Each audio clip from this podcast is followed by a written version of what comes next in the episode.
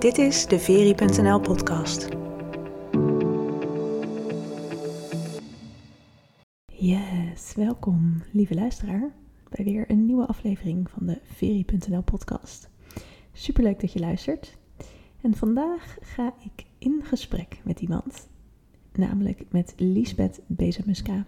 En Lisbeth en ik kennen elkaar al vele jaren kan wel zeggen vele ondernemersjaren, want wij hebben elkaar echt leren kennen op het moment dat wij allebei aan het begin stonden van onze onderneming. En allebei ook nog iets deed wat anders is dan wat we tegenwoordig doen. Zeker bij mij, complete 360. of een 180 moet ik zeggen. En ehm, bij Lisbeth ligt het misschien wat meer in het verlengde van wat ze destijds deed, wat ze nu aan het doen is. Maar zeker hebben wij allebei een flinke ondernemersreis ook gemaakt de afgelopen jaren. En hierover gaan wij in deze podcast met elkaar in gesprek. Niet alleen met wat we de afgelopen jaren in onze ondernemingen hebben gedaan.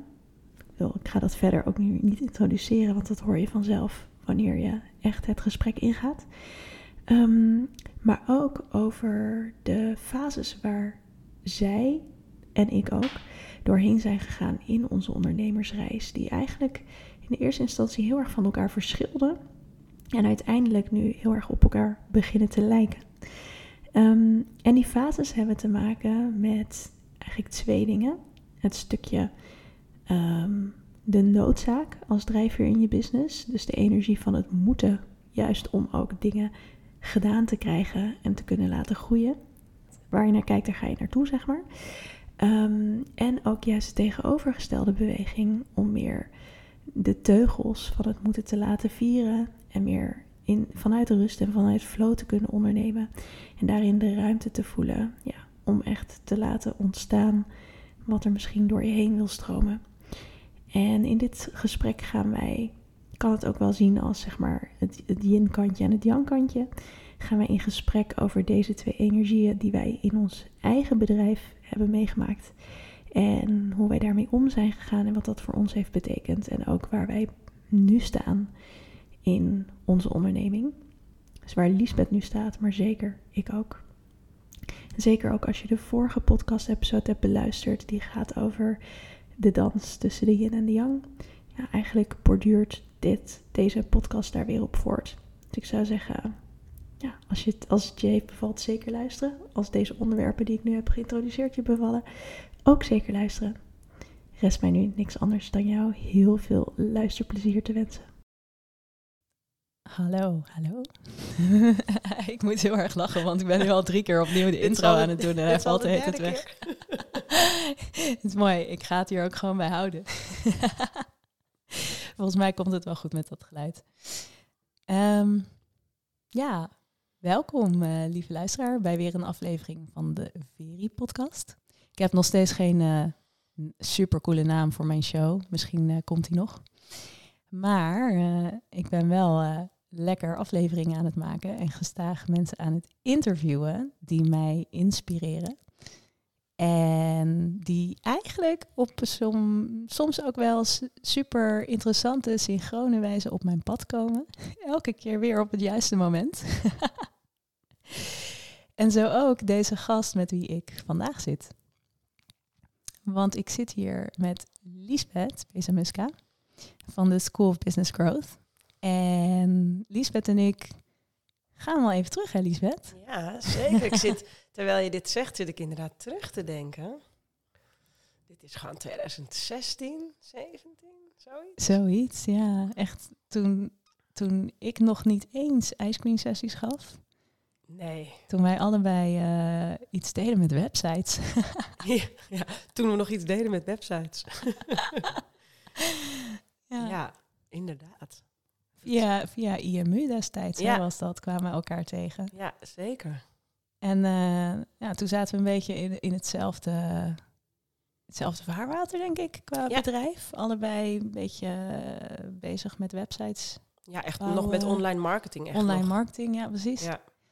En vanuit daar allebei helemaal ons eigen pad uh, gaan bewandelen. Zo, nou, dat kan je wel zeggen, ja. en dat is denk ik wel mooi ook, Liesbeth, dat jij hier nu zo vandaag zit. Want jij zei net tegen mij van, eh, ik vroeg eigenlijk van, goh, zijn er dingen die, die ik kan meenemen in mijn introductie, wat ik eh, zeker even mag noemen. En toen vertelde jij al dat je afgelopen jaar van drie bedrijven naar één bent gegaan. Dus dat je een hoop aan het loslaten bent ook. Echt. Terwijl- heel veel. Ja, eigenlijk juist van het moment dat ik jou de eerste keer leerde kennen, heel veel bedrijven erbij bent gaan bouwen. Ja, ja, ja. Dus ehm, nou, misschien eh, komen we daar zo meteen nog wel over te spreken. In ieder geval superleuk dat je hier bent vandaag. Dankjewel. Heel leuk om hier te zijn. we zitten in een supermooie ruimte van een vriendin van Lisbeth, de Moon Yoga Studio. Nee, hoe heet het? Ja, Moon Yoga Moon- Studio. Ja. In, eh, in Bergen, Noord-Holland. ja. Hele mooie ruimte. Ja, We zitten weliswaar in het kantoor, maar de yogaruimte is echt gorgeous. Het is heel fijn dat we hier even mogen zitten. Elkaar eh, face-to-face kunnen aankijken. En ehm, ja, ik, eh, ik weet niet hoeveel mensen dit luisteren die echt ondernemer zijn. Maar voor ondernemers onder ons, ehm, misschien kennen jullie Lisbeth al wel van de School of Business Growth. Zij is eh, business coach. Dat is echt wat ze met alle liefde en de meeste verve en bevlogenheid doet. Dat is ook het bedrijf wat je nog vasthoudt. Vertelde jij mij zojuist. Ja, zeker. Daar blijf ik aan vasthouden. Ja. Ja. Jij zei letterlijk, dit is wat ik te doen heb. Vind ik heel mooi. Ja. Dus daar, eh, ja, daar wil ik misschien nog wel meer over horen zometeen. Ik hou ervan als mensen weten dat ze dingen te doen hebben hier op aard.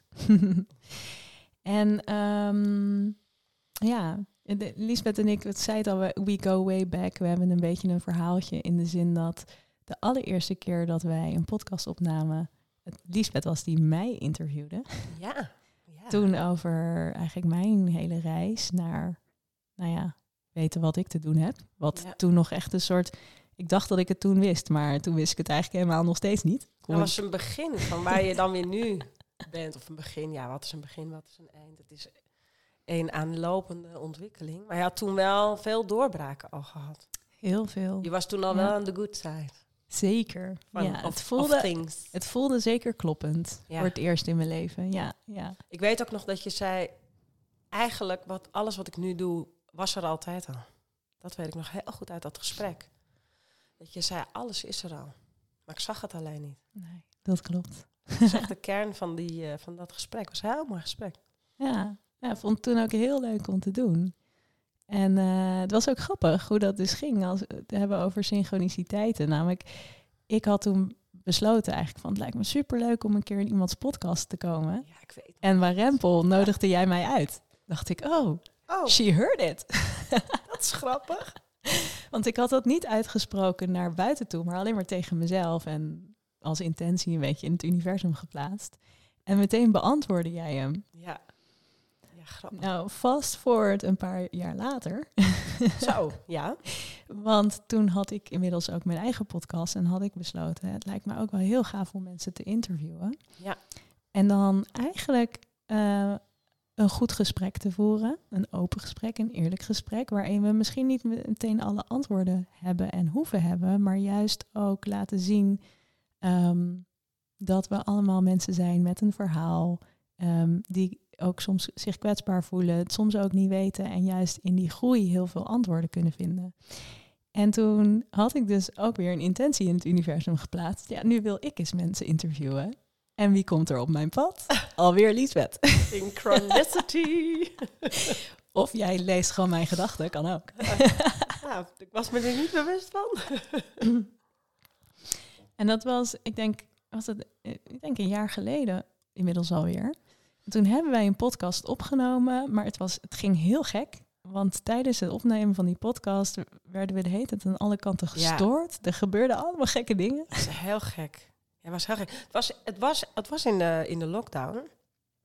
Want ik zat op een kamertje boven bij mijn ouders te werken, nota bene. Uit soort van nood, want ja, iedereen was thuis. En ik kon ook niet in horeca-locaties werken en ik heb geen kantoor.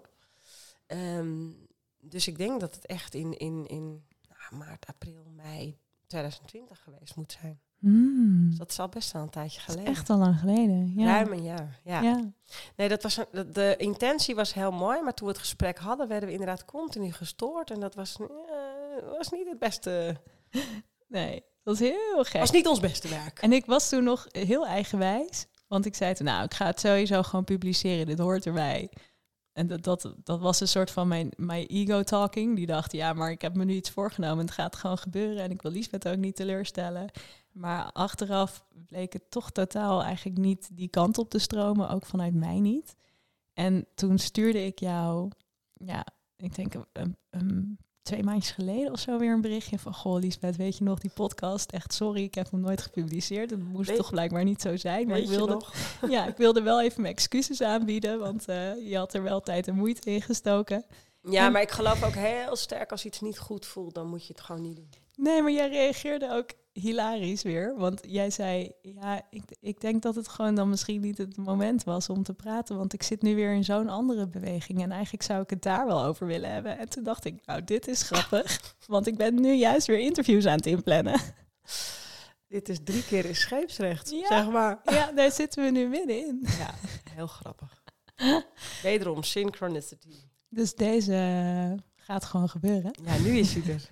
En we zitten hier met prachtige gear, dus... eh, ja, helemaal. Ik dacht, eh, als je het serieus moet, gaat nemen, dan wordt het ook gewoon serieus. Hoppakee. ja, super gaaf. Ja. Ja, maar eh, nou ja, dus zodoende Zodoende. zit jij hier.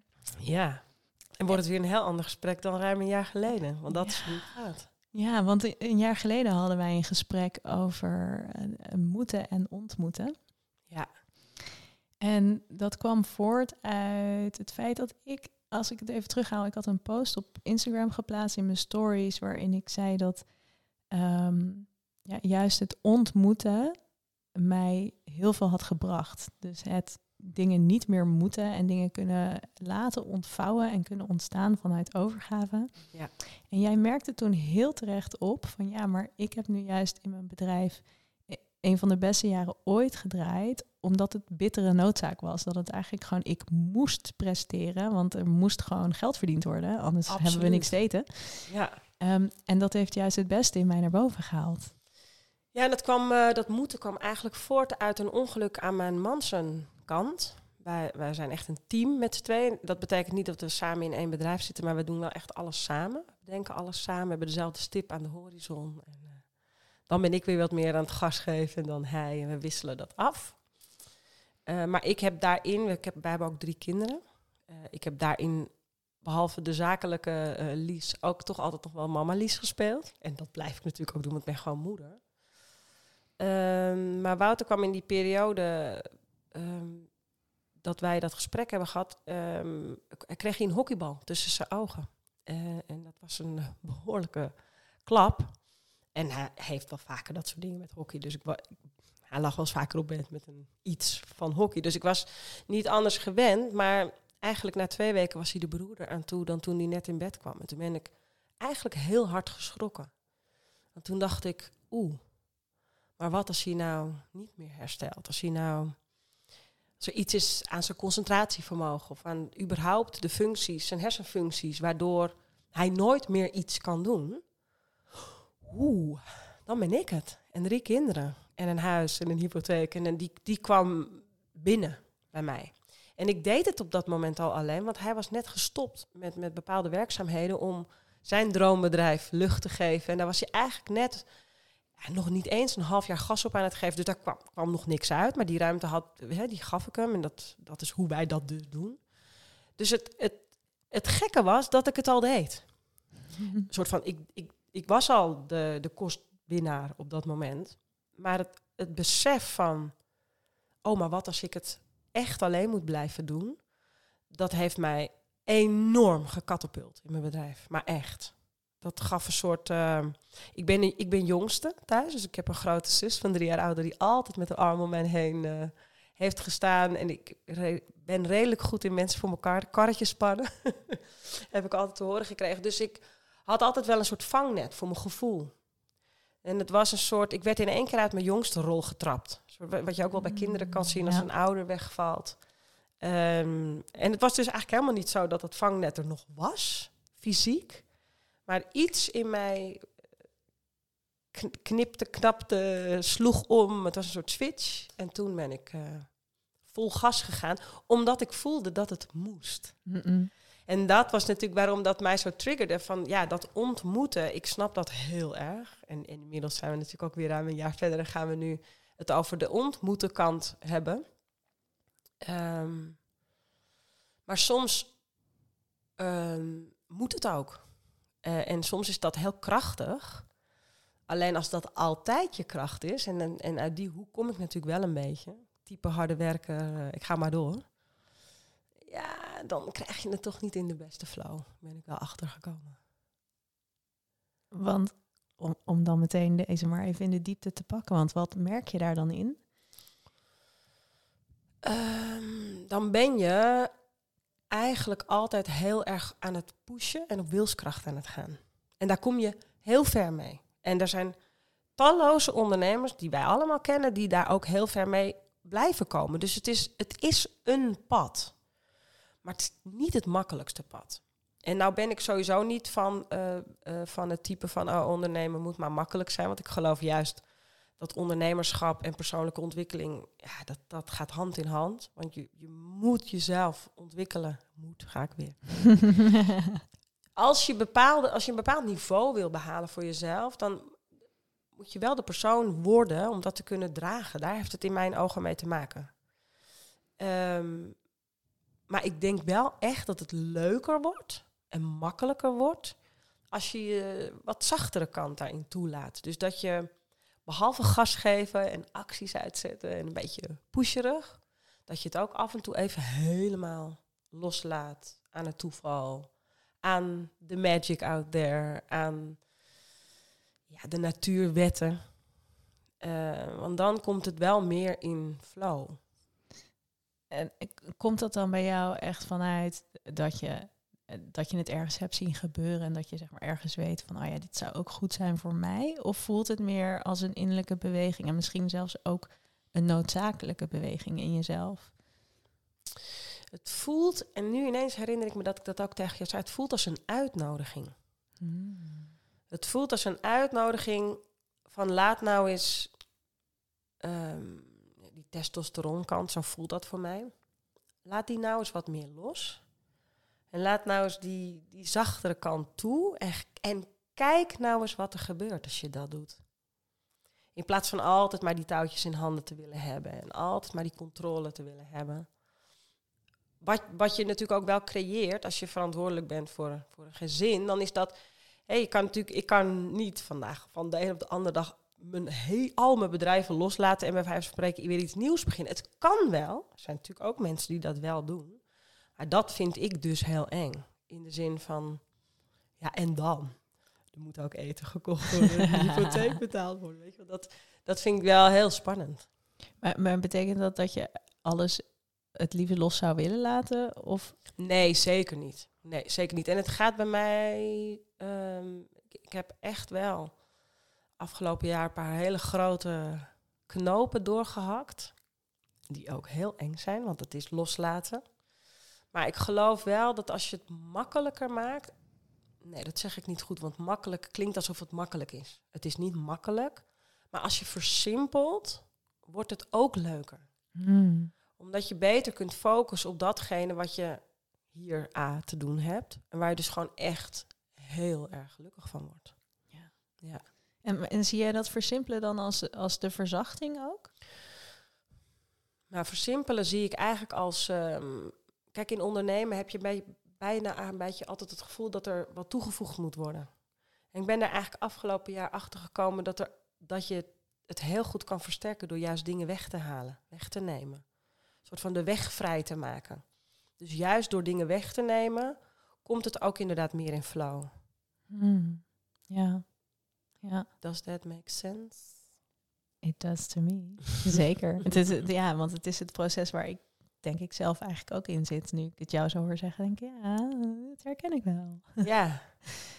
Weet je, en inmiddels, kijk, ik ben al 17 jaar ondernemer. En ik zit denk ik nu, nou, sinds dat wij elkaar hebben ontmoet, zo'n beetje 2016, ehm, zit ik gewoon in de goede richting. Heb ik wel heel veel dingen geprobeerd en fouten gemaakt. En, en weet je, dingen werken niet, dingen werken wel. Maar ik zit wel in de goede hoek. Ik zit wel in datgene wat me energie geeft. Alleen kom je dan bij het puntje. Je kan, ik kan met, met, de, gewoon met, de, met de skills die ik heb, kan ik heel veel verschillende soorten mensen en of bedrijven helpen. En het feit dat je iedereen zou kunnen helpen, is, daar, daar schuilt gewoon meteen het gevaar in. En dat was wat ik aan het doen was. En voor iedere groep die ik weer kon helpen, bedacht ik weer een nieuw bedrijf. Ja. Totdat ik vorig jaar november echt dacht, ja, je kan gewoon niet gas geven op drie bedrijven. Of je moet er drie hele grote teams op zetten. En in één bedrijf uh, was dat al aan de hand dat ik een heel team uh, had draaien. En dat ging dus ook ja, redelijk moeiteloos. Maar die andere twee moesten gewoon uit de grond, grond gestampt worden. Ja. Iets met focus en flow. Iets met focus en flow. Ja. Dus ik ben echt weer heel goed teruggegaan naar mijn, uh, naar mijn basis. En dat is dat ik echt, echt, echt geloof dat je naar je hart moet luisteren. En dat heb ik ook gedaan toen ik dit pad ging bewandelen. Ja, en ik word gewoon het blijst om mijn oude zelf te helpen. En dat is wat ik doe met mijn business coaching. En wat is je oude zelf dan in deze? Mijn oude zelf moest leren ondernemen. Hmm. Ik ben wel een powerhouse, ik ben een harde werker. Maar daarmee heb je het ondernemerspelletje nog niet uh, begrepen en onder de knie. En ik moest leren geld te verdienen. Ik, ik kon wel geld verdienen, maar ik dacht eigenlijk altijd in een inkomen. Mm, en ja. dan, dan denk je niet voorbij bepaalde grenzen. Dan denk je niet in een groter potentieel. Dan denk je niet buiten de box. Dan gebruik je niet je volle creatiekracht om het, om het grootser te laten worden. En dat, en dat kan best wel frustrerend werken, want vaak begin je te ondernemen omdat je iets in jezelf voelt. En uh, ik denk dat wij niet opgegroeid zijn met het idee dat we iets veel groter kunnen laten groeien dan wat het misschien in potentie in, in eerst een zaadje is. En ik kom er eigenlijk steeds meer achter dat, dat het veel groter in je hoofd durven bedenken, geeft ineens een soort van heel veel ruimte voor creatiekracht. Mm. En dat is eigenlijk wat ik dus voel doordat ik dingen heb weggenomen. Want dan komt er letterlijk lucht voor andere dingen. Dus om mezelf eigenlijk in een soort van in de kern te verkleinen. Dus van je gaat nu alleen nog maar hier naar kijken. En de rest weggehaald. Komt er een enorme vacuüm of opening. Waarin je dus uh, de ruimte krijgt om, om te bedenken, oh maar wacht even. Nu kan ik het daarheen laten groeien. Of nu kan ik het zo aanpakken. Of nu zie ik het ineens heel anders. Mm -hmm. Dat is een mooie ontwikkeling. Ja, dus je stapt eigenlijk volledig nu in je eigen creatiekracht hiermee. Ja, eigenlijk steeds meer en meer. En het is grappig, want mijn creativiteit ging dus naar maar steeds meer bouwen in, in, in de breedte. En dat heb ik, door dat weg te nemen, kan ik nu eigenlijk creëren in één, in één vakje. Ja. En dat maakt dat het eigenlijk steeds beter wordt. Mm. Het is heel leuk, Ja, eigenlijk. En dan kan daar je creativiteit heen gaan. ja, ja. En het is heel leuk en mooi om te ervaren. Want dan kan je dat natuurlijk ook weer meegeven. Ja. ja. We- Weet je wat ik daar, als ik dat dan zo hoor, dan voel ik daar ook een beetje in dat, ehm, dat er een soort, eh, een soort angst, en angst klinkt misschien groter dan dat het is, maar ehm, in ieder geval weerstand, eh, zit op stilstand. Dus zeg maar op het moment dat je, dat je even, even niks hebt, dat er even niks is wat daadwerkelijk echt zou moeten, zeg maar. Ehm, dan, dan is eigenlijk de, de periode waarin het grote zijn met een hoofdletter Z zou mogen ontstaan. Waarin je vanzelf ook weer, want dat is de flow die er dan wil zijn, waarin je vanzelf ook weer op een punt komt waarin je weer iets wil doen. Ja. Want dat zijn stopt vanzelf, Ja. die, die energie. Eh, klopt het dat jij dan in het verleden dacht, oh, maar dan ga ik gewoon een nieuw bedrijf starten, want dan heb ik weer wat te doen. zo voelt het voor mij een beetje als je dat zo zegt. Nee, het was niet de angst. Ehm, natuurlijk is als ik het allemaal helemaal los zou moeten laten en in het grote zijn zou moeten stappen, geef ik meteen toe dat daar angst op zit. Punt. Als ik alleen zou zijn, dan zou het een ander verhaal zijn. Maar met de verantwoordelijkheid van een gezin vind ik dat wel spannend. Ik ben altijd in al mijn ondernemersavonturen gedoken, met of zonder kinderen. Dus dat, dat doe ik. Maar dan zorg ik altijd wel dat er iets naast is waardoor nou ja, de basics eh, er waren. Maar om terug te gaan naar je vraag. mm, ik bedacht geen nieuwe bedrijven uit angst. Ik bedacht eigenlijk nieuwe bedrijven omdat ik altijd overal kansen in zie. Uh-huh. Ja, maar, maar wat ik eigenlijk mee bedoel te zeggen is het overal kansen inzien is ook een overlevingsmechanisme. Is Oh, ook zo. iets what keeps you going. Ja. Zodat je maar niet hoeft stil te staan. Oh, zo. Oh, grappig. Ja, zo heb ik dat nog nooit bekeken. En zo heb ik het niet ervaren. En ik, en ik zeg dat niet dat dat iets slechts Nee, is, hè? Nee, maar het is Nee, een mechanisme. ja. Ehm jeetje, ik ga er eens even over nadenken. Ik, ik weet het niet zo goed, want ik heb nooit stilgestaan. Misschien is dat... Ik heb nooit stilgestaan. Waarom heb jij nog nooit stilgestaan? Ja, dat is een hele goede vraag, Veri. nee, het is bij mij echt een, eh, een trein die op volle vaart uh, doordendert. Ik kan overigens wel heel goed eh, mijn knop aan en uitzetten. Mhm. Ik eh, loop heel vaak bij mij eh, over de groene dijkjes in de polder. Mensen die mij langer volgen, die weten dat. Ik loop veel op het strand en ik ga eigenlijk bijna altijd zonder mijn telefoon op pad. Ik kan heel goed in het weekend... Mijn zus zegt altijd, voor iemand die online is, ben je wel heel slecht bereikbaar. Ik kan heel makkelijk afstand doen van mijn telefoon en van mijn business. Als ik het gevoel heb, ook eind van de dag, zo, het is klaar. Ik heb alles netjes gedaan wat ik moest doen. Dan is het ook uit-uit. En eh, ik werk ook eigenlijk bijna niet meer s'avonds en in het weekend.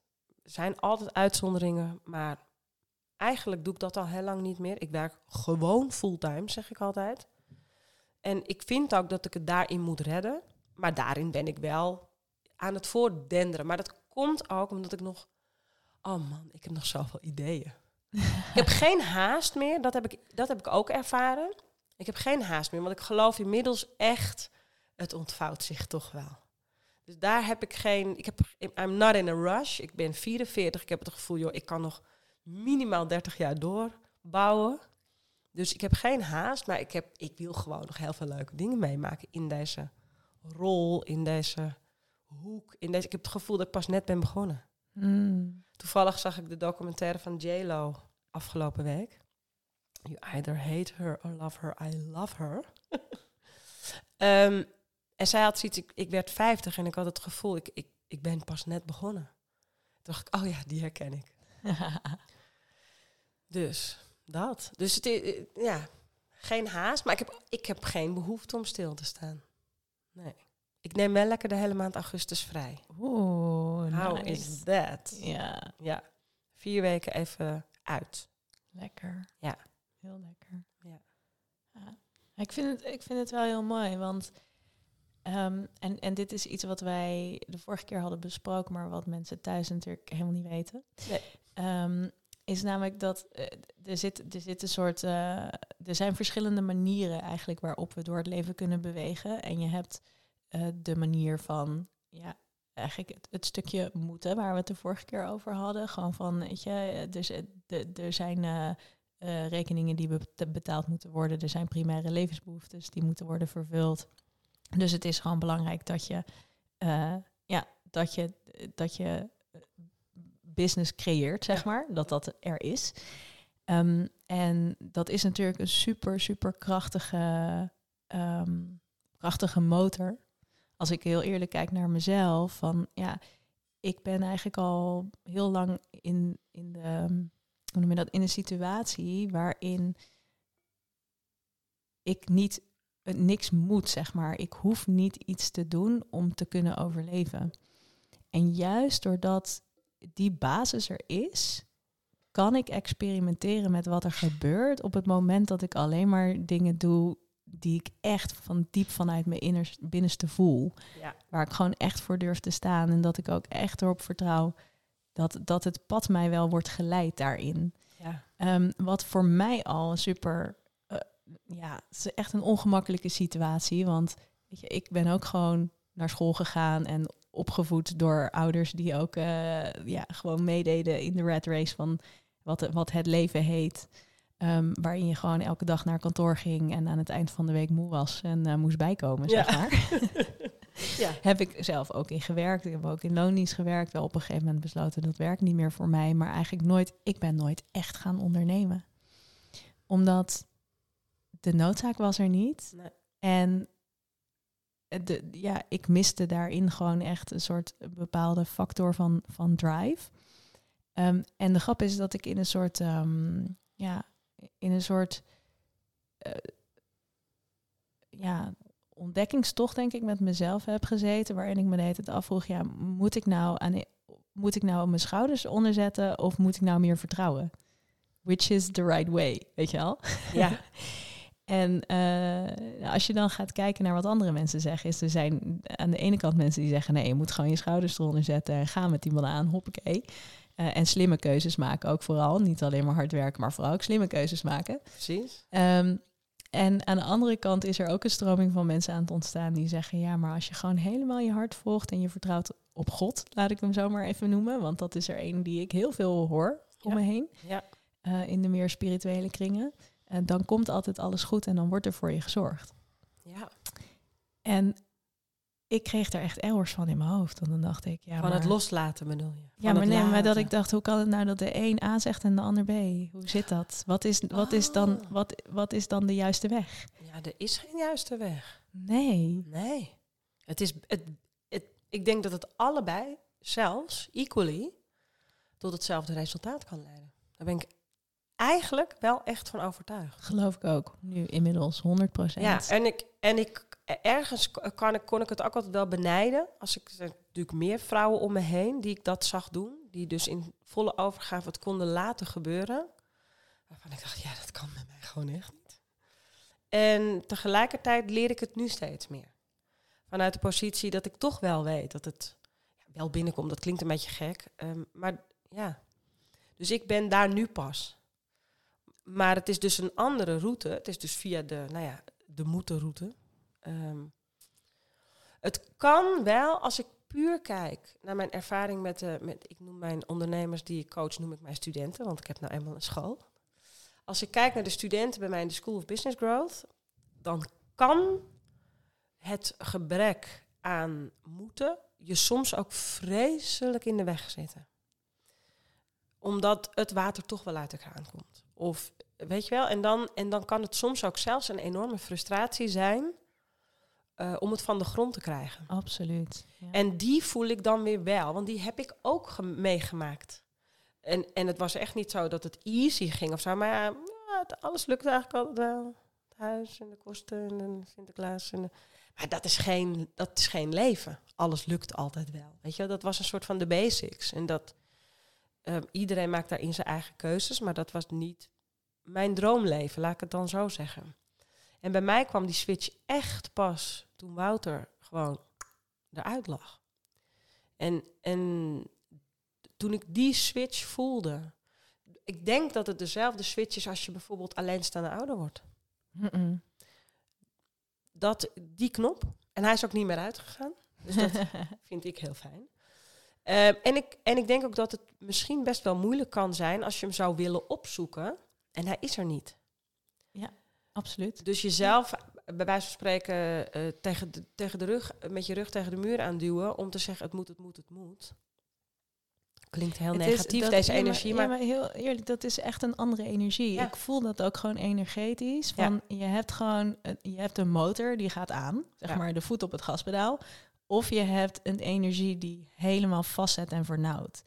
En dat is de moeten die ik dus heel goed ken. Ja. Ehm, waarbij ik gewoon dacht dat ik iets moest, omdat dat was wat de buitenwereld ja, van je waar, van, van me verwa- Verwacht. Wat ik tenminste dacht dat ze van me verwachten, want niemand deed dat. Maar Nee, dat het is niet ik. zo, maar dat is, maar dacht, dat, dat hoort zo. dat is ons werkethos. Ja. Dat is hoe we nou, toch wel opgegroeid zijn.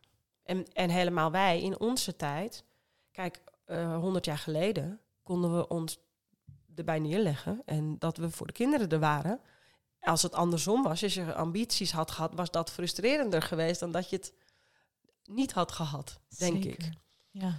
En ik zie het als een heel groot eh, voorrecht dat, dat wij het kunnen doen in alle vrijheid. Dat ik ook nog eens een keer een partner heb die dat trekt. Die geen ego heeft. En, of althans, iedereen heeft een ego, maar die zijn toch nog steeds heel veel mannen die dat heel ingewikkeld vinden. Dat hun vrouw de kar trekt en, en, en de kostwinnaar is. En mijn man draagt dat met verven. Vind ik ook knap. Ik moet ook wel heel eerlijk toegeven, want wij zijn zeg maar twee jaar geleden geswitcht daarin. Dus ik ben twee jaar geleden fulltime gaan werken en hij eh, ontwikkelt zijn bedrijf, maar vangt ook de kinderen op. Dus zoals ik het altijd gedaan heb, doet hij het nu. Ehm, en hoewel ik dat zie als, een, als iets heel groots, dat dat kan en dat ik, dat, dat ik dus alle vrijheid krijg om te bouwen en te doen wat ik wil, in feite zakelijk gezien, deed het ook wat met ons. Eh, even een soort van, eh, alles stond weer even een soort van op losse schroeven. Zo van, oh wacht even, oeh, oeh die rollen zijn omgedraaid, oh, weet je wel. Terwijl we toch wel een team zijn. Maar je moet je voorstellen dat je in een team bij een bedrijf, dat je ineens van rol switcht. Dus dat je leidinggevende ineens, dat je dus zo, dat je het ineens ploep omdraait. Maar goed, ik zie het, ehm, ik zie het als een groot goed. Maar ik, ik, ik voel heel erg wat jij aanstipt van dat, dat verschil tussen de vrijheid eigenlijk kunnen hebben om het volledig te laten ontstaan. En je daar niet oké bij voelen. Terwijl het juist, ja, heel mooi is dat het kan, denk ik. En dat je het inderdaad vanuit vertrouwen kan laten groeien, laten ontstaan en laten ontwikkelen. Maar het kan, het, het kan ook een blokkade zijn. En dat zie ik, ja, dat zie ik vaker, laat ik het zo zeggen. Ik zie, ik zie vaker dat het een blokkade oplevert, omdat er ergens toch een stukje drive mist. Ja, ja het is eigenlijk, ik vind het wel heel grappig dat wij dan nu, nu elkaar zo spreken. Want ik ben er dus bij mezelf achter gekomen vorige week ah. dat het dus een blokkade was. Oh ja. Oh wow. Ik dacht, ik voel me daadwerkelijk, hè, daadwerkelijk 100% uitgenodigd om uh, te ondernemen en uh, toffe dingen te creëren, want zo zie ik ondernemen eigenlijk. Ja, Vanuit een plek, een zuivere plek. Dus niet de, de plek van de vernauwende moeten, want iedereen verwacht het van me en anders ben ik niet succesvol als mens. Nee, um, maar uh, wel vanuit, ja, dit is gewoon waar ik werkelijk, werkelijk helemaal van aanga. Dit is wat ik wil doen. Dus ik heb echt in een proces gezeten waarin ik dat verschil helemaal mocht gaan ontdekken voor mezelf. Het, het verschil tussen echt die, die, die belichaamde excitement en daar, vanuit daar durven, durven ondernemen, vanuit daar dingen durven creëren. Versus, ja, maar het moet gewoon, want anders ben je niet succesvol. Dat was echt een overtuiging die ik had. Als ik niet een succesvol bedrijf heb, bestel ik niks voor. en, um, maar tegelijkertijd uh, voel ik dus allemaal dingen in alle eerlijkheid zeg ik dit dus nu tegen iedereen die luistert. Ja. Ook tegen jou, Lisbeth. Ik voel dus allemaal dingen die ik heel graag wil doen. Ehm, maar ik kwam niet in beweging. Ik oh. stond helemaal, helemaal gewoon tegen de muur. Stil. Je kwam, niet, je kwam niet in beweging? Nee, het lukte gewoon. Heel soms als ik even iemand aan de zijlijn zette die me dan heel erg ging cheerleaden, dan kwam ik er net overheen. Oh ja. Ehm, dus ik, ik, ik, wat ik dus ook deed, is dat ik dan dacht, ja, ik moet uh, even, even iemand in dienst nemen die mijn persoonlijke cheerleader wordt. Oh ja. Of, uh, of die ik me dan moet... continu over dat hobbeltje ja, helpt. precies. Of ik moet even een coach in de arm nemen die, die dat even voor me doet. Die dan de stok achter de deur. Terwijl het probleem zat in mezelf. Ja. En um, ja, dat kan ik nu zien door iets wat vorige week is gebeurd. maar daarvoor had ik daar geen idee van. Ik begon wel een beetje iets te vermoeden. Clarity. Maar um, uh, ja, het, is, het, is, het was dus zelfs zo erg bij mij dat, dat ik, ik heb echt raving reviews van één op één sessies, van losse sessies, van mijn mentorship, van mensen die meerdere sessies hebben raving reviews. Ik heb nog nooit iets gedeeld. Het staat wel ergens op mijn website, maar dan moet je echt zoeken. Je moet, je moet graven om het te vinden. Ja, ik heb nog nooit iets in mijn mail gedeeld, nog nooit op social media. Niet. Waarom kan je, waarom, waarom doe je dat niet? Ben je daar dan nu inmiddels wel achter ook? Um, wat je ehm, vorige week hebt ontdekt? Zit ja, dat, dat, dat, zit daarin. Um, mm, het zit, ja, en, en, en ik weet dus niet hoe ik dit zeg maar een soort super aardse woorden geef. Want de ervaring die ik heb gehad was echt alles behalve, behalve aards. ja, snap ik. Um, maar net in, in het, in het voorgesprekje even vertelde ik jou al dat ik vorige week een beetje een aparte ervaring had gehad. En die heeft hier dus mee te maken. Wat er gebeurde, um, om het even te herhalen, ook voor de luisteraar, is ik uh, ontving een afstemming van uh, een hele, hele lieve dame. Um, Aisha, als je luistert, dankjewel. je hebt mijn leven veranderd, dan weet je dat. Ehm, want ehm, Aisha die was een eh, luisterkindopleiding aan het doen. Waarin ze eh, moest oefenen met afstemmingen. Dat was de opdracht, oefenen met afstemmingen. En ik kreeg via via te horen eh, dat ze ging afstemmen op mensen die zich nog begeven in jouw energetisch veld, overleden personen. Ja. En ehm, eh, ik hoorde dat en, ik, en er was iets in mij wat zei, ik wil dat heel graag ontvangen, want ik voel dat ik hier baat bij heb. Dus ik heb haar gewoon een bericht gestuurd van, goh, zoek je nog mensen? Want ik heb het gevoel dat ik dat wel eh, kan gebruiken. En toen zei ze, nou, ik krijg ook meteen kippenvel, dus ik ga voor jou, ga ik eh, wel even afstemmen.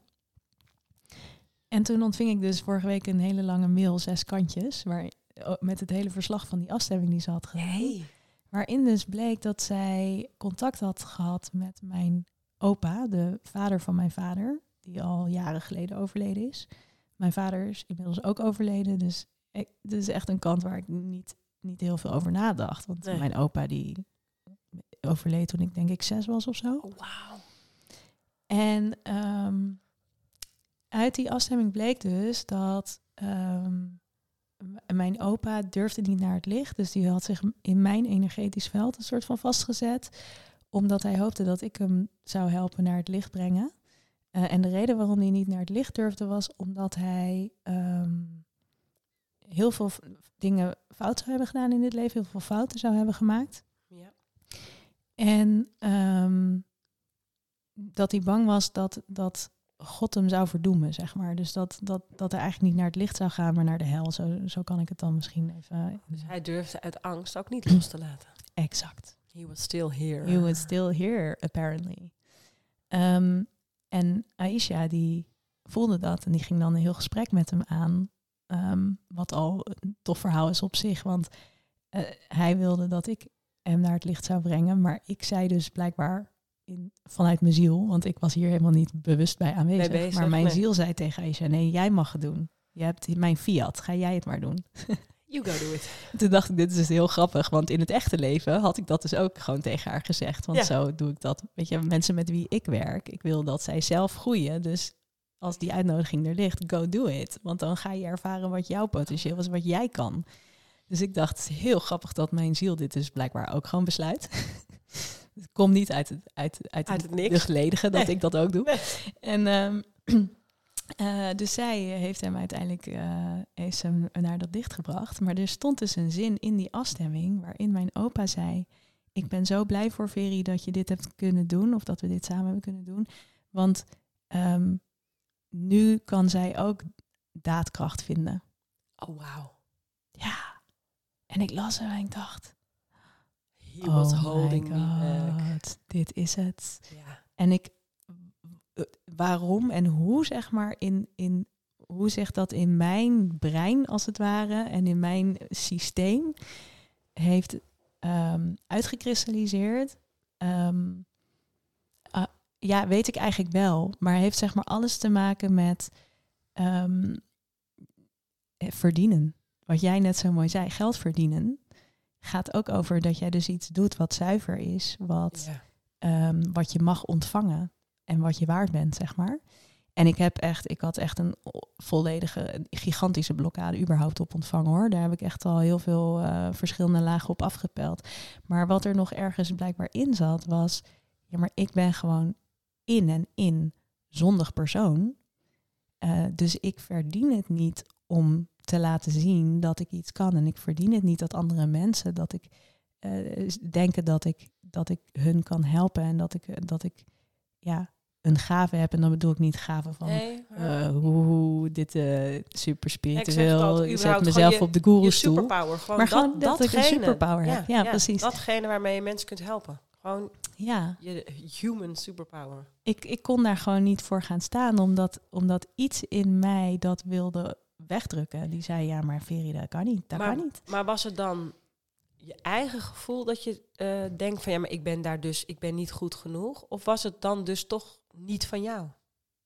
Of is het een soort van combinatie? Het is eh, verweven, denk ik, in elkaar. Want eh, zeg maar, ik- kijk, ik, ben echt van de overtuiging van alles is, alles is, all is mind, zeg maar. Hè? Dus met je Ja. mind kan je echt alles overrulen. Als Ja. je maar gelooft, gelooft, gelooft it Ja. can happen. Ja, Dus eh, ik, ik, ik, met mijn mind wist ik al lang van, dit is niet de realiteit waar ik voor kies. Dus ik kies ervoor om mezelf wel belangrijk te vinden, om wel te zeggen dat ik, eh, dat ik, ik het wel eh, verdien. het wel verdien, dat ik het waard ben, dat ik dat mag, mag omarmen, dat ik dat mag vragen. Ja. Daar kies ik allemaal voor. Maar het was elke keer alsof er zeg maar iets anders Terug. me een soort van terugtrok.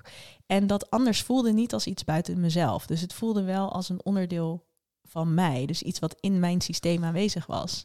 En voel je je dan nu met deze wetenschap lichter? Ja, enorm Bizar. veel lichter. Bizar. Enorm veel lichter.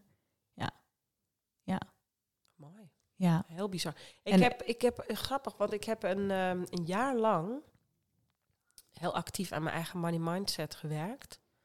En wat ik altijd doe, is als ik iets wil ontwikkelen bij mezelf, dan maak ik er een traject van. Dat is inmiddels wel anders in mijn School of Business Craft, maar dat deed ik eigenlijk altijd zo afgelopen jaren. Als ik wilde meer weten van de wet van aantrekking, dus ik ging live uitzendingen geven over de wet van aantrekking, want Ja, het briljant. dwong mij, het dwong mij er, de, me erin te verdiepen en zoveel erover te lezen en te luisteren en te leren, dat ik het door te teachen, snap je het zelf. ja. En dat deed ik dus ook met Money Mindset. Dus ik ging een Money Monday creëren. Dus ik heb letterlijk eh, 52 lessen gecreëerd. En iedere week nam ik de mensen die daaraan meededen. was een mooi clubje van, eh, ja, het varieerde steeds, maar een beetje zo 16, 20 mensen deden er altijd wel met me mee. Groot genoeg een stok achter de deur voor mij. Om dat dus continu door te ontwikkelen. En in, die, in dat jaar, en dat is ook in dat coronajaar geweest. Ik denk in dezelfde tijd dat wij elkaar spraken, dat ik dat denk ik ben gestart. Eh, it's a little bit blurry, maar dat denk ik. Maar toen ben ik dus ook heel erg veel gaan graven. Van hoe, wat is dat? Dat, dat stukje energie op geld, geld ontvangen, geld is liefde. Hoe, ik, dat had ik natuurlijk al heel vaak gehoord, maar ik dacht, hoe werkt dat dan? En waar komt dat dan vandaan bij mij? En dan ga je ook echt inderdaad naar je, naar je jeugd en dan ga je graven waar dat dan vandaan komt. Ik vind dat zo interessant om, om te kijken van welke oude energieën draag je dan bij. Ik heb het allemaal zelf gedaan hoor. Dus ik heb, of, dus ik ben heel veel boeken gaan lezen en oefeningen gaan doen. Dus het is niet zo dat ik daar externe bij heb gehaald. Dus er zijn ongetwijfeld nog meer laagjes af te pellen. Maar door dat graafwerk ontdekte ik ook dingen waarvan ik me niet realiseerde dat het er nog zat. En dat, is, dat vind ik wel. Zoals, zoals wat? Kan je een voorbeeld geven? Nou, ik ben eigenlijk heel. ehm, mijn, mijn ouders waren geen ondernemers. Mijn opa daarentegen weer wel. Ehm, en, en bij ons thuis was, was eigenlijk, doordat mijn ouders allebei in loondienst werkten, was eigenlijk altijd alles heel veilig. En, en, en er was altijd gewoon genoeg geld. Ik, ik kon gewoon de hobby's doen die ik wilde. Mijn ouders konden altijd onze kleren kopen, gingen keurig op vakantie. Het was altijd allemaal heel keurig en netjes. Maar zo keurig en netjes dat mijn moeder tot op de dag van vandaag in een oud schriftje kan terugkijken wat er 30 jaar geleden werd uitgegeven aan wat. Wauw. En dat vond ik zo truttig. Kennelijk, als kind en puber, dat ik daar zo ongelooflijk hard tegen ben gaan rebelleren. eh, Dat ik mijn, ik opende rekeningen niet. Ik zat met me, ik was echt een struisvogel. Ik zat met mijn hoofd drie verdiepingen onder de grond als het over geld Oh, ging. Ja. En in mijn eerste tien jaar ondernemerschap heb ik dit dus ook volgehouden. En, en ook mijn eigen verhaal van... Ja, maar ik ben niet goed in financiën. Dat Ma- Marieke, mijn zus, Marieke en, en mama zijn goed in financiën. Ik niet. Zou eh, vooral niet hetzelfde zijn als zij. En ik ben natuurlijk gewoon hartstikke goed in financiën. Maar ik... ik of ben je, was je dat al of heb je gewoon op een gegeven moment besloten, ik ben dat ook? het- ik, ik moest het. Ja. Daar gaan we weer. Ik moest van mezelf financiën leuk gaan vinden en het ook kunnen. Maar financiën is niet lastig, hè jongens. Het is, het is dat we onszelf vertellen dat het lastig is. Het is niet lastig. Hey, ik ben geen accountant. Ik doe niet mijn eigen belastingaangifte. Daar heb ik allemaal keurig mijn mensen voor. Maar ik doe mijn eigen administratie. Van A tot Z. En als ik merk dat de loonbelasting weer even omhoog moet... of omdat er weer een andere categorie bij komt... dat beheers ik allemaal. Ik- financial literacy, ik had zo'n mooi woord. Ik, als je ondernemer bent en je houdt vol dat je niet goed bent in financiën... dan wordt ontvangen wel een dingetje. Zeker, ja. Dus ook hier, wat jij zegt, ook, weet je, dus het verhaal en, en de realiteit eh, begonnen wel een soort dingetje te creëren bij mij. Dus er rukt bijna de microfoon van tafel. Het gaat goed. Ehm, maar ik vond dat een heel, hele mooie journey. Dat jaar. Dat heeft heel veel luikjes bij mij geopend. En, ehm, en ik weet ook zeker dat dat niet... Ja, niks is klaar, hè jongens. Hou jezelf niet gek. niks is klaar. Dus ik, ik ben wel weer benieuwd naar het volgende hoofdstuk op dat vlak. Van, oh wacht, als we daar nou nog weer eens verder in gaan, wat komt er dan? Ja. Maar mooi, die blokkade bij jou. Wonderlijk hoe dat dan zich zo aandient. Letterlijk Ja. als een soort... Ja, maar dit, dit is, dit is, als je het dan hebt over zeg maar leven in overgave. ehm, Dat is dat. ik wist van er zit, er zit iets niet lekker. En ik had dus ook al, wat ik dan doe, hè, is dat ik dan ook de vraag ga stellen aan universe, weet ik hoe je het wil Mhm, noemen, maar dat mhm. werkt voor mij. Ja, doe ik ook. Vragen, stel gewoon de vraag hardop van, ja, er zit hier iets niet lekker en ik, ik wil dit graag oplossen. Eh, show me the way, zeg Ja. maar. Want ik, ik, ik weet het even niet. Als je het nu meteen kan fixen, fix het. Ja, ook goed. En anders geef me een oplossing. En soms dan voel ik dus daadwerkelijk dat er meteen iets gefixt wordt. Dat is super grappig. Dan denk ik echt, oh mijn god, er is echt iets aan het shiften in mijn energetisch systeem. Dit is echt hilarisch. Eh, zelfheling noem ik dat dan maar. Ja, Het is gewoon, ja, vragen en het wordt gegeven. Hè? Zo ja werkt ik, heb, ik herken dit heel erg. Ehm, maar soms krijg ik ook heel duidelijk geen antwoord. En dan weet ik, oké, wachten. They're Het antwoord komt. En, en blijkbaar heb ik hem op een andere manier nodig, dat antwoord. For whatever reason. Waarschijnlijk Ja. omdat ik dat gewoon wil ervaren, zelf, als Ja. mens.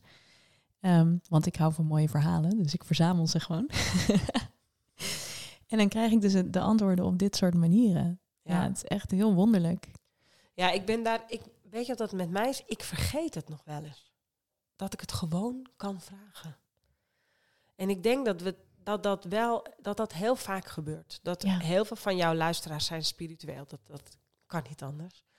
En ik weet zeker dat als jij dit luistert en je hoort mij dit zeggen, dat je zelf bij jezelf denkt, oh, dit heb ik ook zo vaak, dat ik het inderdaad weer vergeet. En soms als ik dan, ik ben ook wel eens de paniek nabij, jongens, ik ben ook maar een mens, dat ik het soms echt even niet meer nou, wist. Ik moet zeggen dat het niet zo heel vaak meer gebeurt. Maar dat ik dan dacht, maar je kan het gewoon vragen. Ja, Je hebt gewoon een lijntje. Je kan gewoon om hulp vragen. En, dan, en ik heb het ook wel eens met jou gehad. Dat ik echt het s'avonds niet meer wist. En dat de volgende ochtend op een of andere manier ging jij toen een kaartje leggen. En toen. En diezelfde dag kwam ik bij iemand.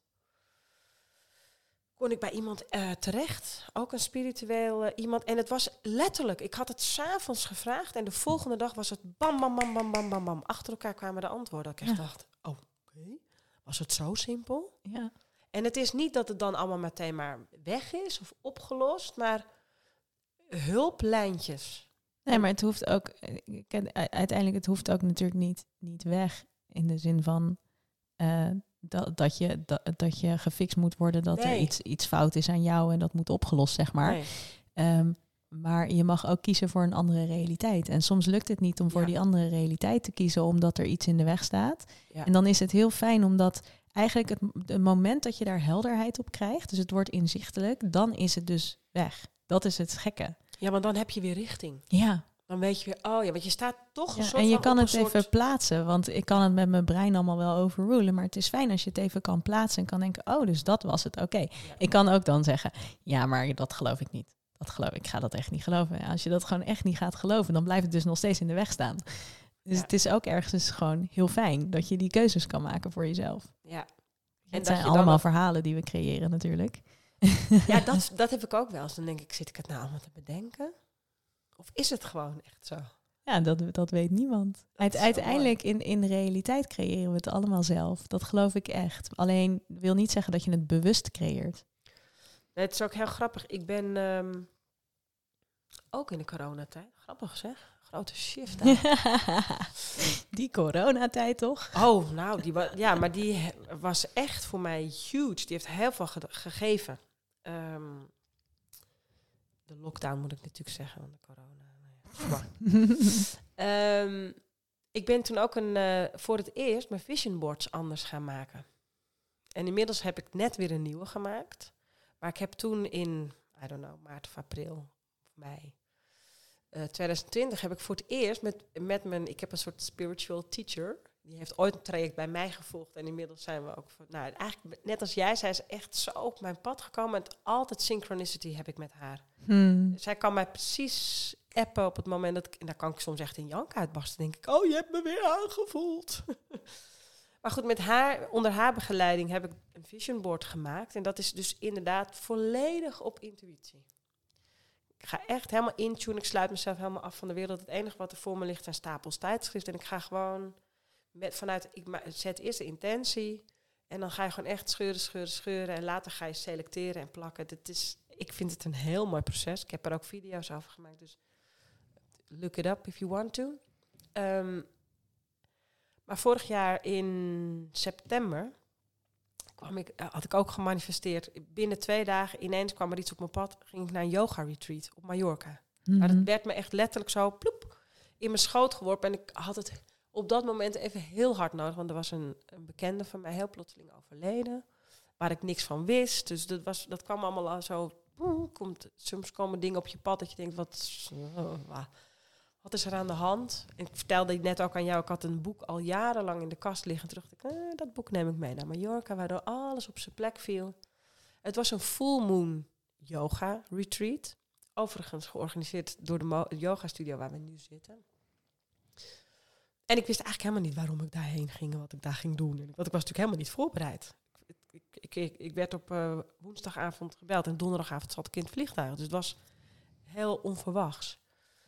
En terwijl ik daar was, ging ik op zondagavond heel eventjes mijn computer open doen. Ik moest heel een paar kleine dingetjes doen. Ik had op zich vijf dagen lang mijn agenda schoongeveegd. Zo van, ik ben er even niet. Maar ik moest even zondagavond iets op mijn computer doen.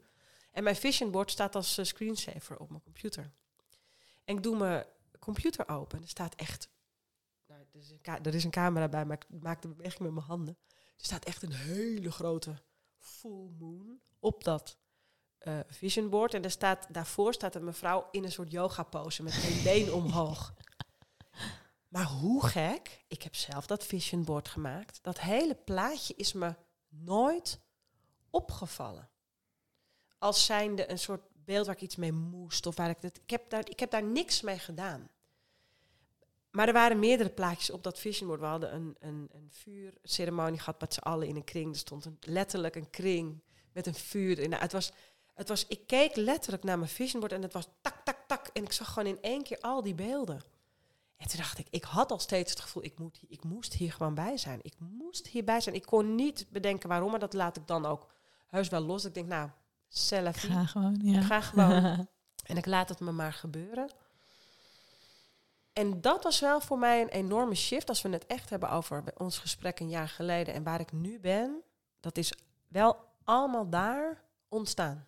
Hmm. In dat yoga retreat, dat ging ook heel erg over zelfvergeving. En daar heb ik wel echt heel veel losgelaten.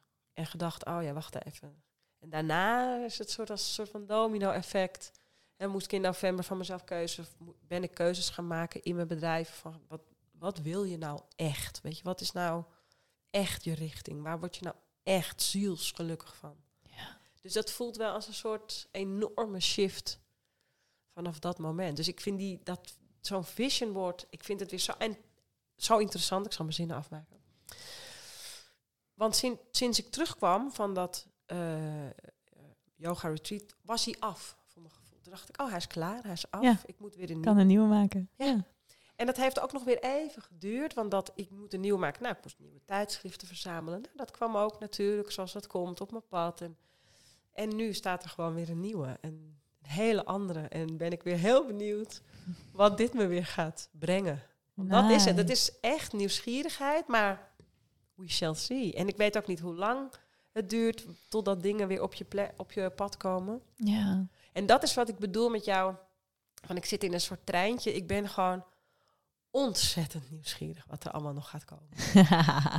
Zeker nu ik op, op een veel meer het stuk vertrouwen zit. En, en uh, Laat maar komen. Ja. Bring it on. Nice. dat is echt nice. Ja. Want je zei eerder, um, zei je dat je het wel ook oncomfortabel vindt. En dan had je het met name over het stukje verzachting en het had je het ook over het ontmoeten volgens mij. Dat je zei van ik vind het ergens ook wel een beetje oncomfortabel. Absoluut. Uh, wat, waar zit dat dan in? ik hoorde iemand zeggen een tijdje geleden en dat triggerde me enorm. Ze zei vrouwen die vanuit hun bekken communiceren, zijn zo krachtig. Hmm. En toen dacht ik, dat doe ik niet. En dat moet ik wel doen. en hoe weet ik niet? Hoe doe ik dat? Hoe? Universe, show me. Nou, en toen ontdekte ik ook, ik, ik dacht altijd, ik ben een hoofdmens. Ik zit heel veel in mijn hoofd. Dus bij mij is mediteren gaat altijd over uit mijn hoofd komen. Mijn hoofd is een soort van eh, whir- whirl van ideeën. Ik kan ook echt oprecht vergeten waar ik sleutels heb neergelegd, omdat ik dan gewoon te veel in mijn hoofd zit. Zo'n type ben ik. En ik dacht altijd dat mijn hogere zelf hier ergens boven me eh, zat Mhm. omdat het soort van je hogere zelf. Mhm.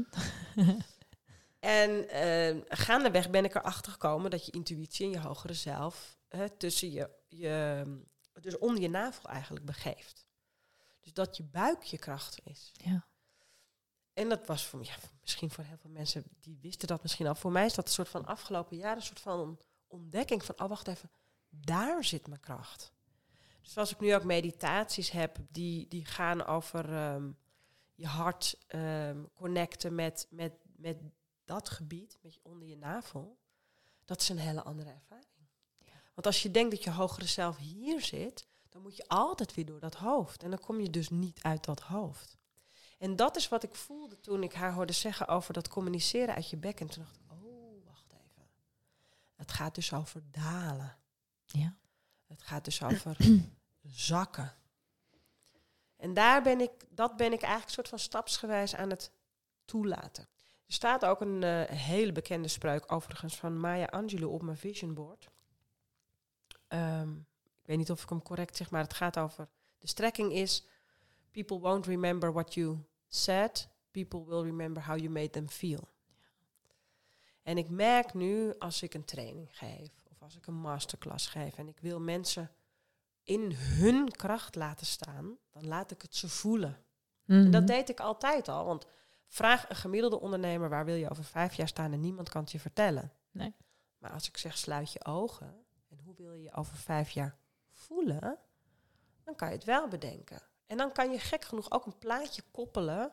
aan hoe je je wilt voelen. Want dan weet je heel goed of je wel een team wilt of niet. Of dat je met een laptopje ergens op het strand wil werken. Of dat, dus aan dat gevoel kun je echt wel koppelen van... Oh, maar hoe ziet zo'n onderneming er dan uit? En heb je wel een team of heb je niet een team? Wil je een ton verdienen, wil je een miljoen verdienen? Want dat gevoel komt ergens vandaan. Ja. Dat deed ik al, dus ik was altijd al erg bezig met voelen. Maar dat stukje van people will remember how you made them feel... dat helpt mij om een soort van te dalen, te zakken. Om het vanuit een hele andere energie te laten komen...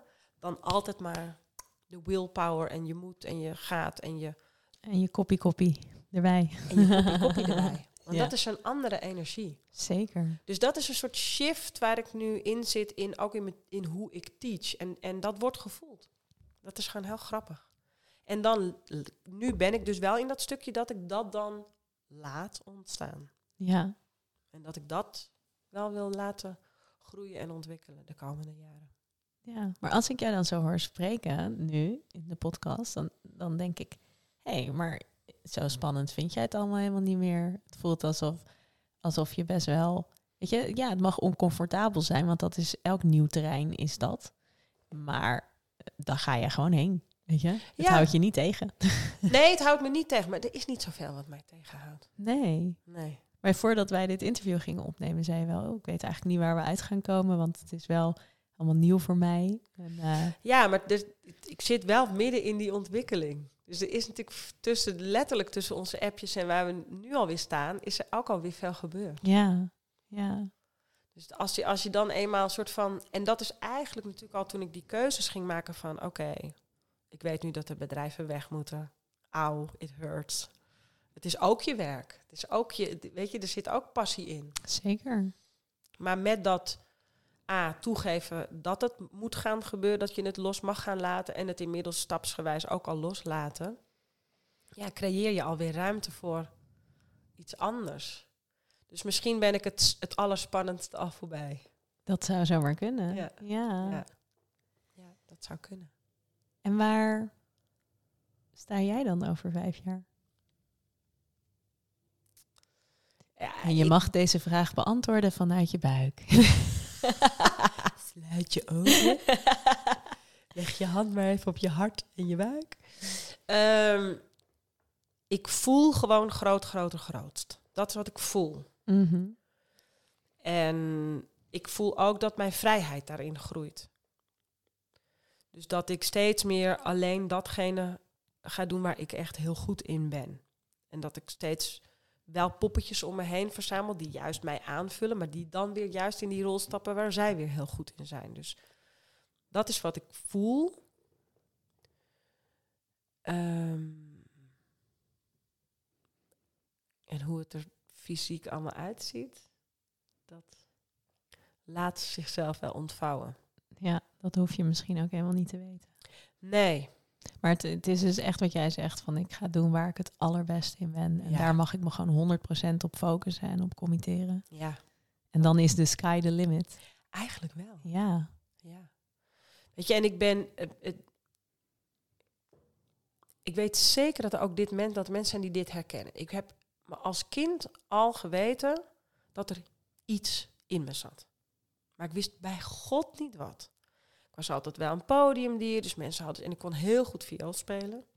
Secret. Oh, die wist ik ook niet. Ik kon naar het conservatorium. Maar toen was ik al 16, 17. Toen dacht ik, ja, maar dan had ik nu al zalen plat moeten spelen. Want als ik het nu nog ga doen, wat gebeurt er dan? Dan kom ik in een soort concertbak. Ja. Dus dat, dat klopte niet met waar, waarvan ik dacht wat er voor me lag. Maar ik wist niet wat het was. Dus, dus ik heb he- altijd op podia gestaan. Ik heb altijd... eh, ehm, ik zat op een middelbare school. Ik speelde altijd de hoofdrol in een musical.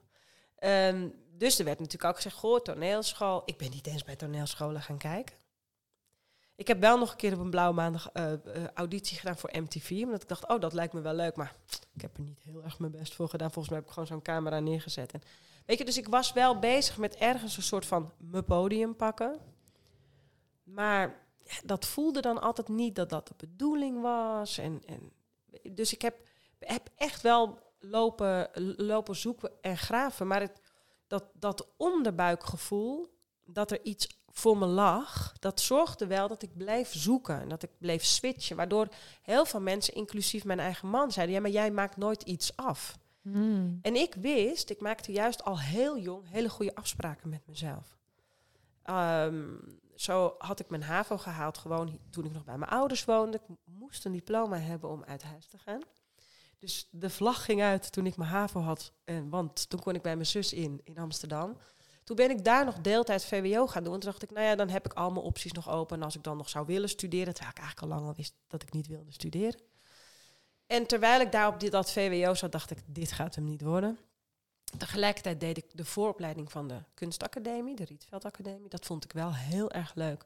Maar daar ben ik naartoe gelaten. Ehm, maar als ik dan stopte met, met dus bijvoorbeeld dat VWO, dan was ik 18. Dan maakte ik met mezelf een deal. Dan dacht ik, je bent er nu bij. Je bent heel wakker. Jij besluit nu te stoppen. Prima, mag van mij. Ook dit, hè, mag van mij. Mag van mij. Maar dan niet later miepen, piepen en ah, had ik mijn VWO maar afgemaakt.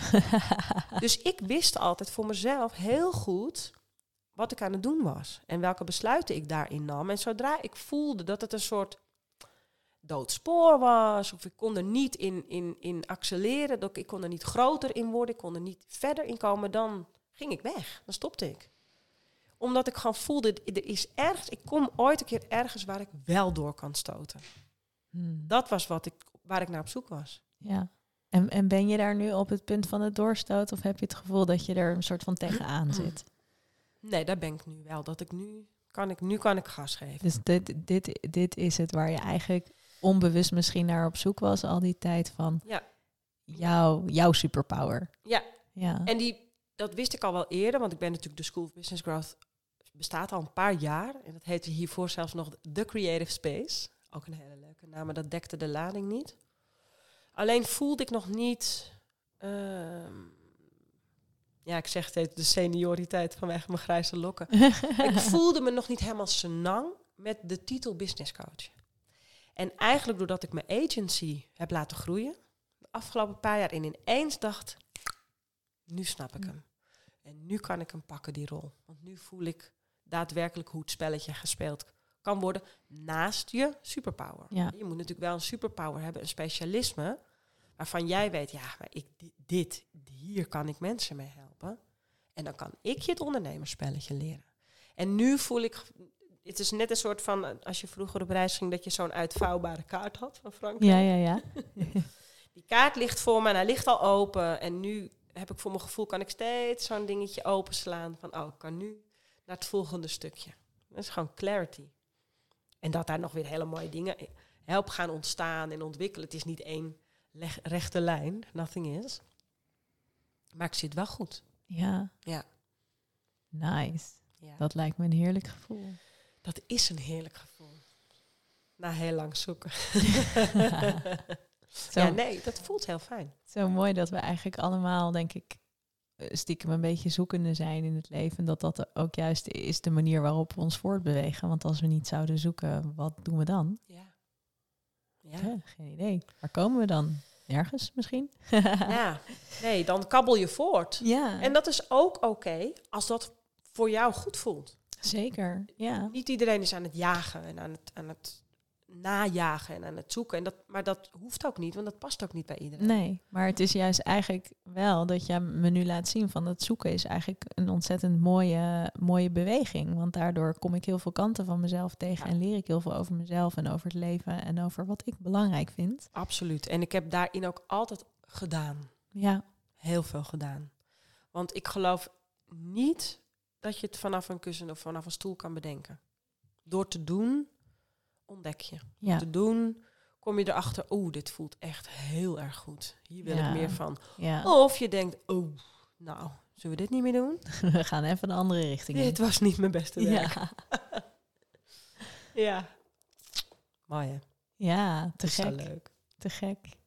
Dankjewel voor eh, dit mooie gesprek en voor een inkijkje in jouw eh, innerlijke wereld en de beweging die jij nu aan het maken bent. Ja, graag gedaan. We lieten het gewoon ontstaan. Grappig is dat hè? Ja, Mooi waar het dan zo Ja. toe leidt. ja. Ja. Het is ook, ik weet niet of we nou uit zijn gekomen bij wat ik in het begin, wat we dachten waar we gingen uitkomen, maar we zijn ergens uitgekomen. Mooie ontwikkeling. wat ik wel, wat, wat ik wel echt, ehm, hmm, wat, ik, wat ik wel heel erg voel hierin, is dat het gewoon een, een eh, zeg maar, het is, het is gewoon een hele logische beweging die wij mensen maken van het stukje overleven naar eh, beleven, als je het dan zo kan noemen. Eh, van, Zeker. weet je, het, het doen vanuit de noodzaak om te kunnen overleven en te kunnen providen, zeg maar. Eh, naar het, het doen. Ja, ik weet niet eens of ik het doen zou noemen, maar misschien gewoon het zijn waarvan uit een doen ontstaat, omdat dat gewoon je innerlijke drive is, omdat dat is waar jij innerlijk naartoe geleid wordt. En ik voel heel sterk dat dat iets is wat wij dus nu als collectief, dus alle individuen die het collectief samen maken, wat nu heel veel mensen aan het ontdekken zijn voor zichzelf. Ja. En dat is de beweging waar we in kunnen zitten als maatschappij ook, omdat, ehm, omdat we zoveel zekerheid en zoveel veiligheid kennen. Want Ja. als, als die basis zou ontbreken, dan kun je nooit op dit stuk Nee. komen. Nee. En bij jou was die basis er ook. eh, ja, die heb jij ook echt moeten creëren voor jezelf om vervolgens dus blijkbaar nu op dit stuk uit te kunnen komen. Ja. Bij mij is het ietsje anders gegaan, maar weet je, allemaal.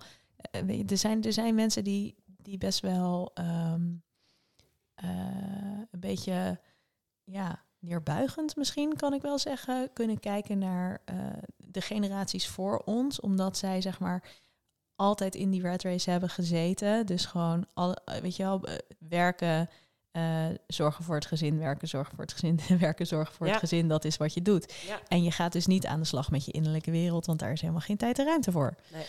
Ehm, dan zijn er nu mensen in, in een beetje de, de, de persoonlijke en spirituele ontwikkelingssfeer, waar, waar ik me natuurlijk ook in bevind, die dan zeggen van ja, het is, het is ehm, ik vind het zo erg dat mijn ouders dit niet hebben gedaan.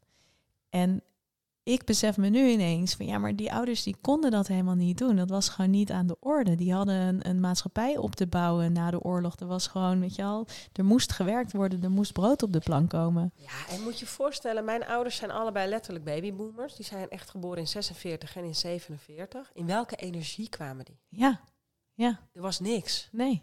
Dat was letterlijk inderdaad de wederopbouw. Dus zij zijn helemaal niet opgegroeid zoals ik ben echt in alle vrijheid opgegroeid. En toen was het nog niet zo druk op straat als nu. Hè, dit was, het was rustiger, het was stiller. In de lockdown deed het me echt denken aan mijn jeugd.